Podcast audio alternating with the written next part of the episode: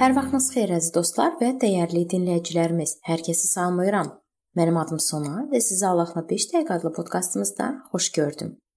Bu gün mən sizinlə yaxşı gecə yuxusunun vacibliyi haqqında danışmaq istəyirəm. Bilirsiniz, yuxu beyin fəaliyyət normasının minimal səviyyəyə enməsi və ətraf mühitə olan reaksiyalarının alınması ilə müşayiət olunan təbii fizioloji prosesdir.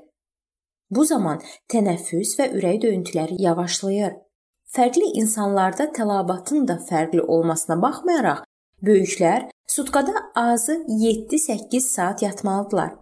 Müqayisə üçün deyək ki, yeni doğulmuşların böyüklərə nisbətən 2 dəfə artıq yuxuya ehtiyacları var. Mən kökü sənaye inqilabı dövrünə gedib çıxan bəzi adamların 8 saat işə, 8 saat yuxuya və 8 saat həyata ifadəsini tez-tez təkrarladıqlarının şahidi oluram. O dövrdə bu məsləhət günün qrafikinin tarazlaşdırılmasına çağırış idi. Həyat üçün ayrılan vaxtda qida qəbulu, ailəvi ibadət, ünsiyyət, imanlar cəmiyyətindəki ibadət və əlbəttə ki, hər birimizə zəruri olan müəyyən sərbəst vaxt daxilidir. Qrafik sutka ərzində gündəlik işlərin həyata keçirilməsi üçün tələb olunurdu. Ailə qrafiki ailənin hər bir üzvünün qrafikinin formalaşdırması üçün əsas olmalı idi. Reallığı əks etdirməli və həyata keçirilməsi asan olmalı idi.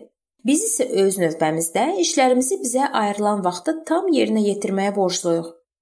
Bununla yanaşı, gündəlik planımız çevik olmalıdır ki, Sonda o bizə xidmət etməyə əvəzinə biz ona xidmət etməyək. Qrafikin təyinatı sahibimiz yox, dostumuz olmaqdır. Tez yatıb tez oyanmaq bu günədək ən sağlam həyat tərzidir. Axşam vaxtında yatağa girmək üçün bəzən özün özünlə mübarizə aparmalı olursan. Lakin vaxtında yatmaq səhər gümrah olmağa, gücünü tam bərpa etməyə yardım edir. Bu günlə sülh içərisində yaşamağa çalışın. Sabahı isə tam olaraq Allaha etibar edin. Maddə 634-də yazılıb: "Sabahın qayğısını çəkməyin, çünki sabahkı gün özü üçün qayğı çəkəcək. Hər günün öz yamanlığı kifayətdir." Bizə həyat dözümümüzü yoxlamaq üçün sınaq kimi verilməyib. Tam gecə yuxusu almaq orqanizmi sağlam vəziyyətdə saxlamağın əsas hissəsidir. Çünki sağlamlıq Allahın bizə bəxş etdiyi daha bir lütfdür ki, onu qorumalıyıq. Vəzifələrinizi idarə edin, yoxsa onlar sizi idarə edəcəklər. Kişilər üzərlərinə bir çox vəzifələri götürməyə meyllidirlər. Arvadınızın və ya ananızın məsləhətlərinə qulaq asın. Bundan əlavə diqqət edin.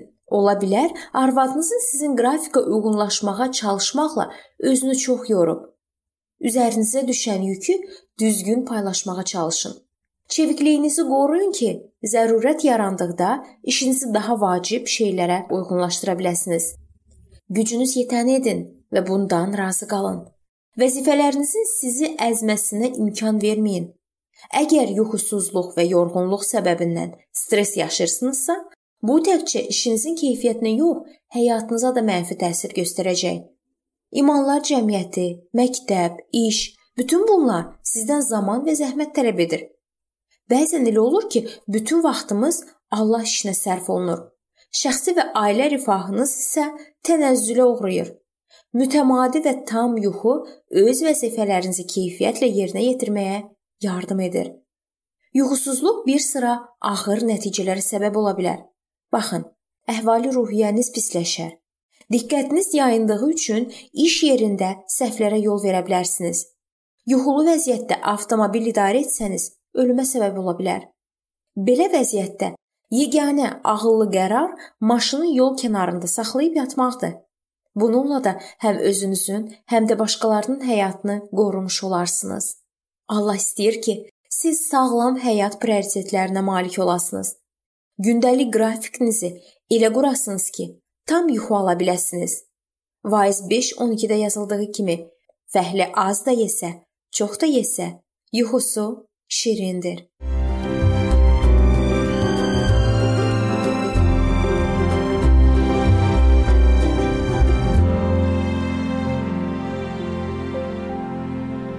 Beləliklə əziz dostlar, bu yerdə bu mövzu sona çatdı. Hər zaman olduğu kimi sizi dəvət edirəm ki, bizim podkastlarımızı Facebook səhifəmizdən və YouTube kanalımızdan dinləməyə davam eləyəsiniz.